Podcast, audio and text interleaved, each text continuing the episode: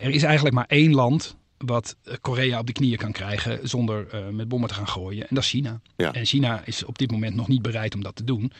China vindt het eigenlijk ook niet zo heel erg vervelend, los van het enorme risico. Want die, die snappen ook wel dat die Kim Jong-un uh, niet helemaal te, te, vertrouwen is. Maar dat de Amerikanen nu zo zenuwachtig zijn, ja, dat is niet altijd in, alleen maar in het nadeel van China. Nee, uh, en nou ja, daar, daar, hebben we het in deze uitzending ook vaak over met uh, mensen ook uit die regio. China zou wat kunnen, maar de vraag is of ze dat willen, want Noord-Korea is voor hun ook een buffer.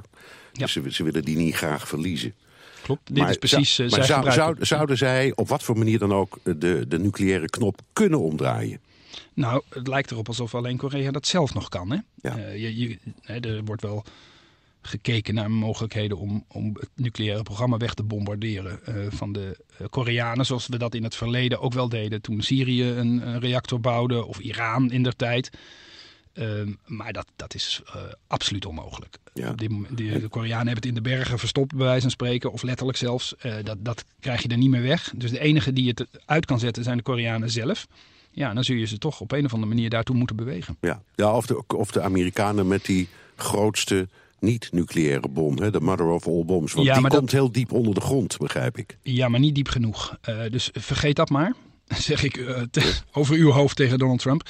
Maar hij heeft genoeg adviseurs die hem datzelfde zullen vertellen. Ja, maar naar u luistert hij. Nee, ik hoop naar zijn adviseurs, en dat is ook maar de vraag. Maar eh, een militaire uitschakeling van het kernwapenprogramma van Korea, dat bestaat niet. Nee. Dus je zult echt op een andere manier te werk moeten gaan. En ik zou zeggen, daar is wel enige haast bij geboden. We hebben heel lang gedacht, het valt misschien wel mee.